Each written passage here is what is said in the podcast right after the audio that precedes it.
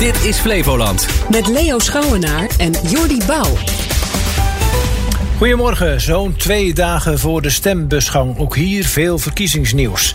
Zoals de vraag: helpen de verkiezingsborden langs de weg? Een belangrijk thema bij de Tweede Kamerverkiezingen is bestaanszekerheid.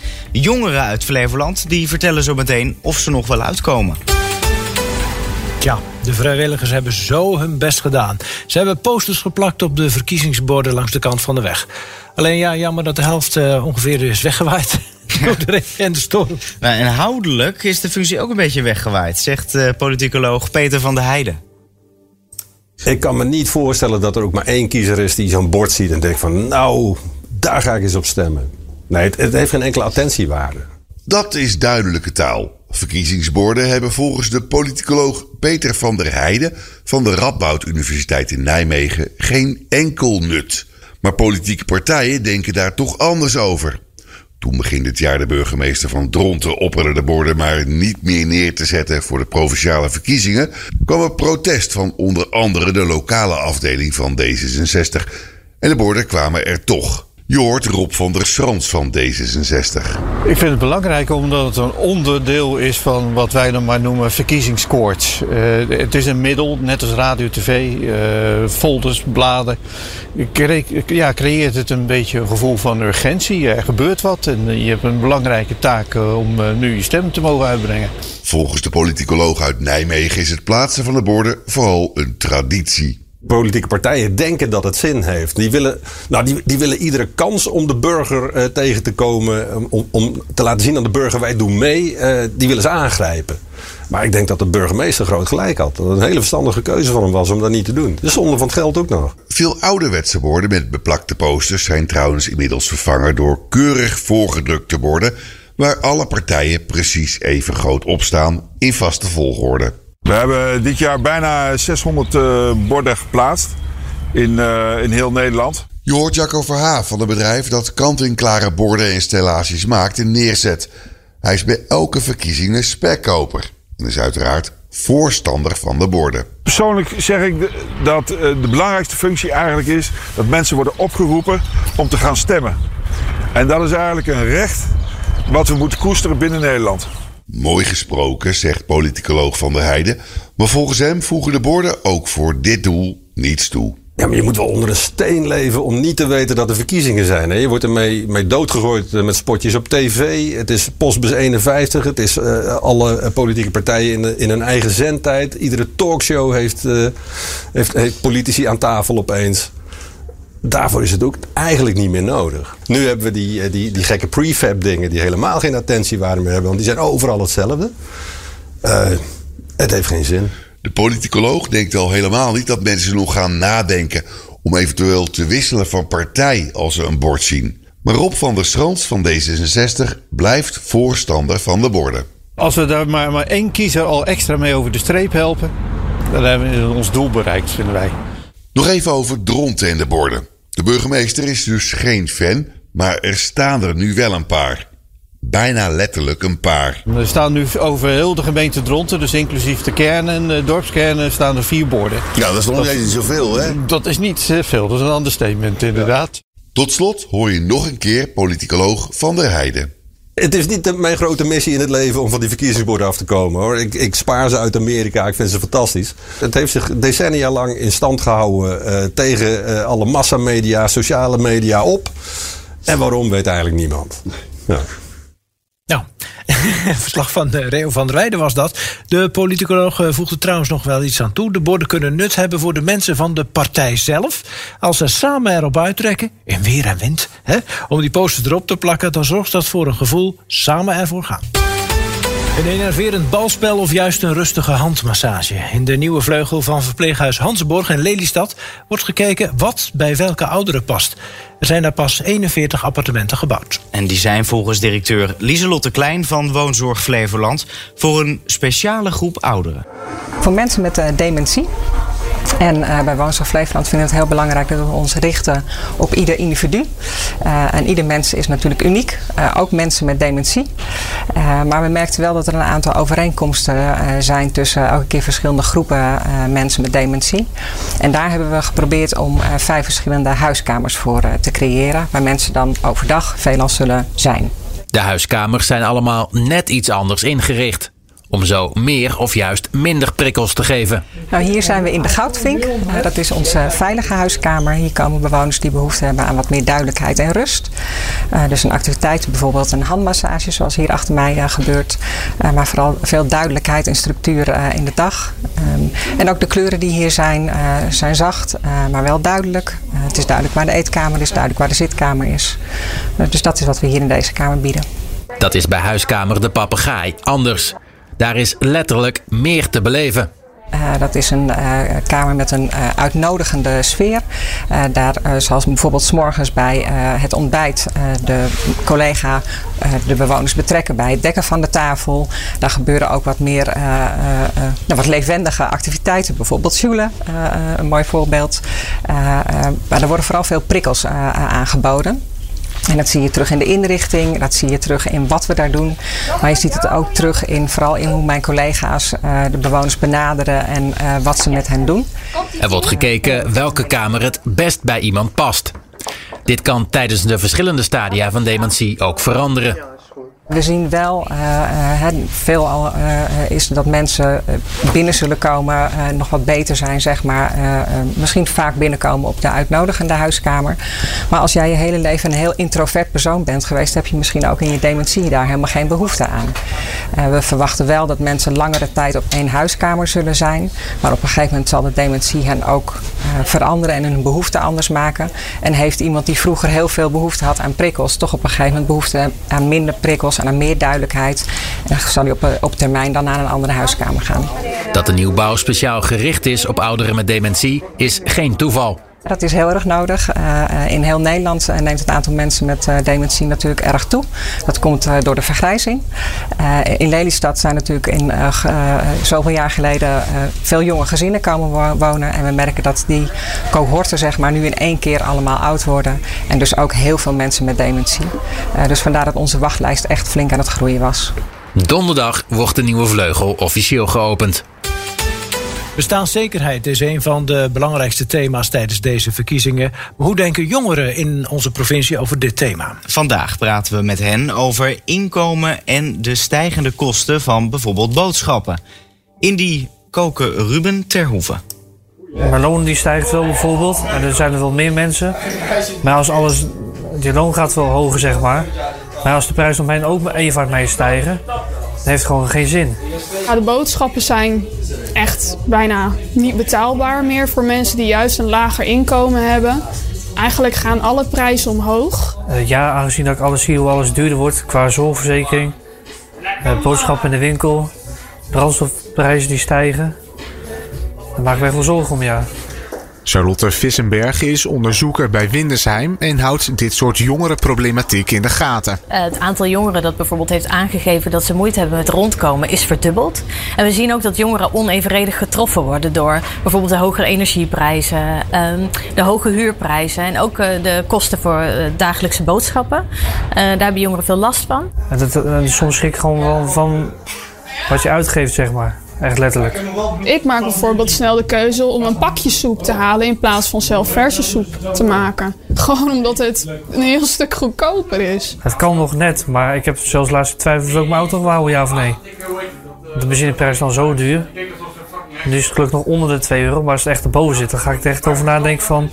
hou ik mijn auto of doe ik hem weg? En laat je dan wel eens wat staan in de winkel, hoe ja, het duurder is? vaak genoeg inderdaad. Dat ik dan naar alternatieven kijk. Dat ik denk, nou goh, wat heb ik nou echt nodig om door de week heen te komen? En dan ik denk, nou oké, dan heb ik dit en dit en dit nodig. Maar het is wel, uh, hoe meer de weken en maanden vorderen, hoe minder ik overhoud. Voor de politici in Den Haag ligt er een belangrijke taak, vinden de jongvolwassenen. Want veel langer redden ze het niet zo. Ik hoop dat ze iets bedenken dat het een keer echt stopt dat stijgen qua prijzen. Want de ouderen hoor je ook wel eens tegenwoordig. Het wordt alleen maar duurder. En die kunnen soms gewoon eens meer geen boodschap meer halen.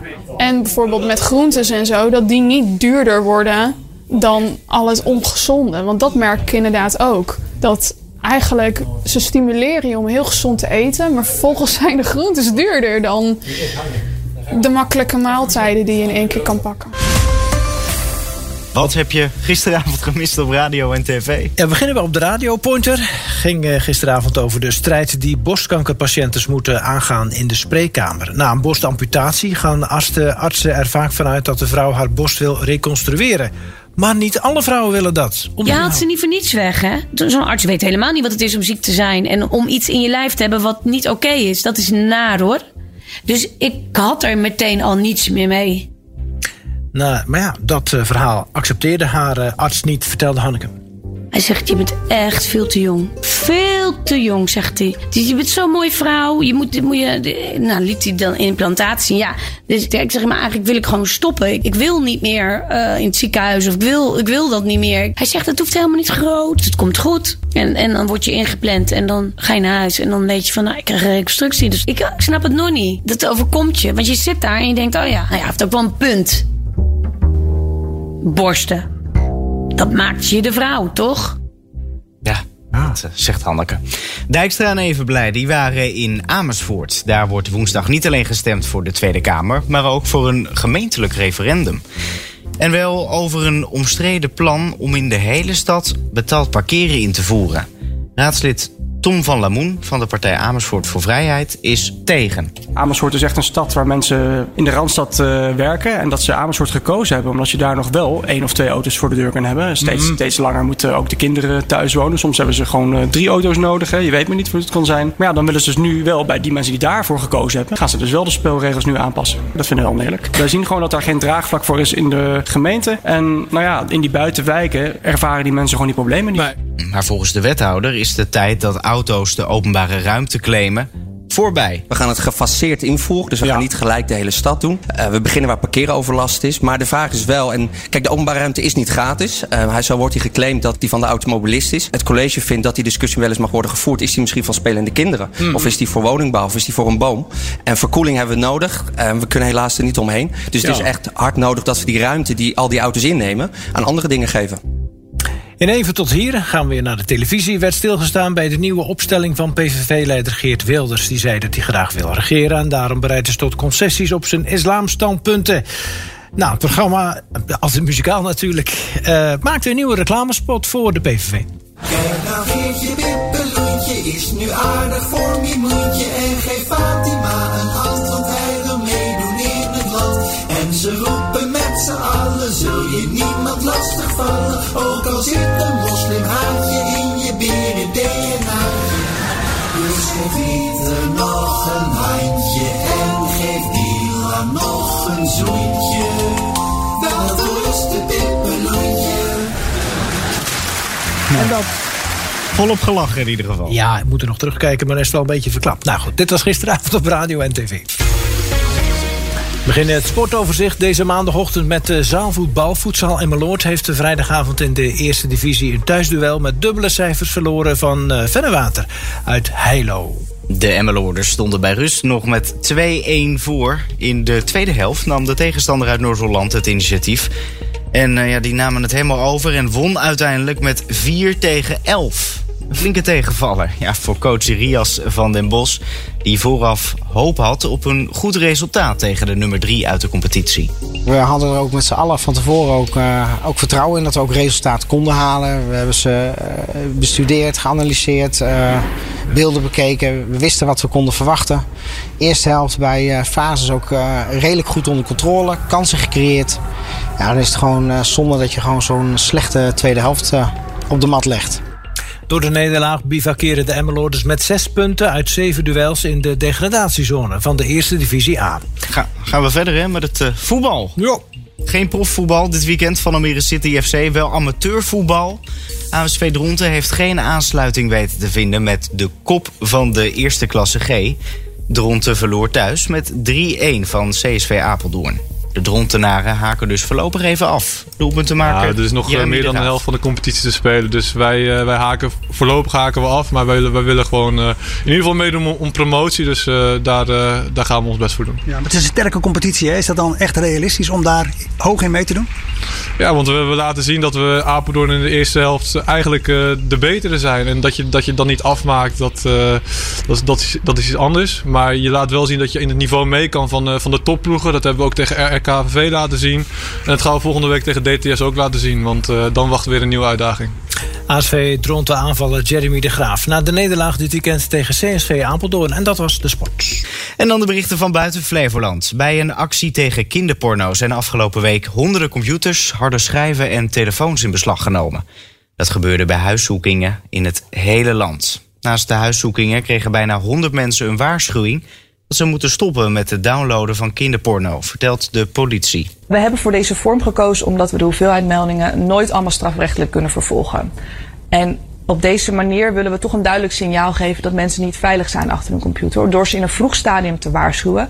Waarmee we voorkomen dat ze doorgroeien. Dat we later alsnog strafrechtelijke zaken op ze moeten draaien. En wij de focus kunnen richten op nieuwe en onbekende slachtoffers. Mensen die werden bezocht door de politie reageerden geschrokken en soms ook een beetje opgelucht. Er is nog niemand aangehouden. De verhoging kort geleden van het minimumloon in de afgelopen twee jaar zo'n 25 procent. Dat heeft bij sommige cao's een onbedoeld bijeffect.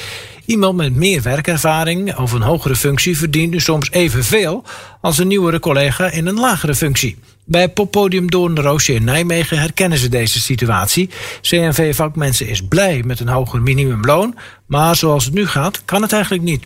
Als je echt wil dat het besteedbaar inkomen van eh, de laagst betaalde in Nederland omhoog gaat, dan moet je iets doen met eh, de belastingdruk. Dus dan moet je zorgen dat ze netto meer overhouden. Aan die knop moet gedraaid worden. Ja, en dat vindt de overheid niet zo leuk. Want dat kost de overheid geld. En het wettelijk minimumloon maar laten stijgen, dat kost de ondernemer geld. Volgens de FNV worden de CAO-onderhandelingen volgend jaar moeilijker, maar de vakbond verwacht wel dat de hogere lonen mee kunnen profiteren van een stijgend minimumloon. Nou, het volgende probleem is dan weer dat die schaal daar weer boven, nou ja, je ziet hem al aankomen. Wie gisteren bij voetbalclub JK in Breda een kopje koffie kwam drinken, heeft dat misschien wel besteld bij een opvallende barman. Mark Rutte, die draaide namelijk een uurtje mee achter de bar. Volgens de demissionair premier was het geen toeval dat hij achter de bar stond en niet als spits van het eerste elftal. Dit is verstandiger. Dit is verstandiger. Ja, ik ben, daar, ik ben wel een beetje hockeyer, maar voetballen is nooit echt gelukt.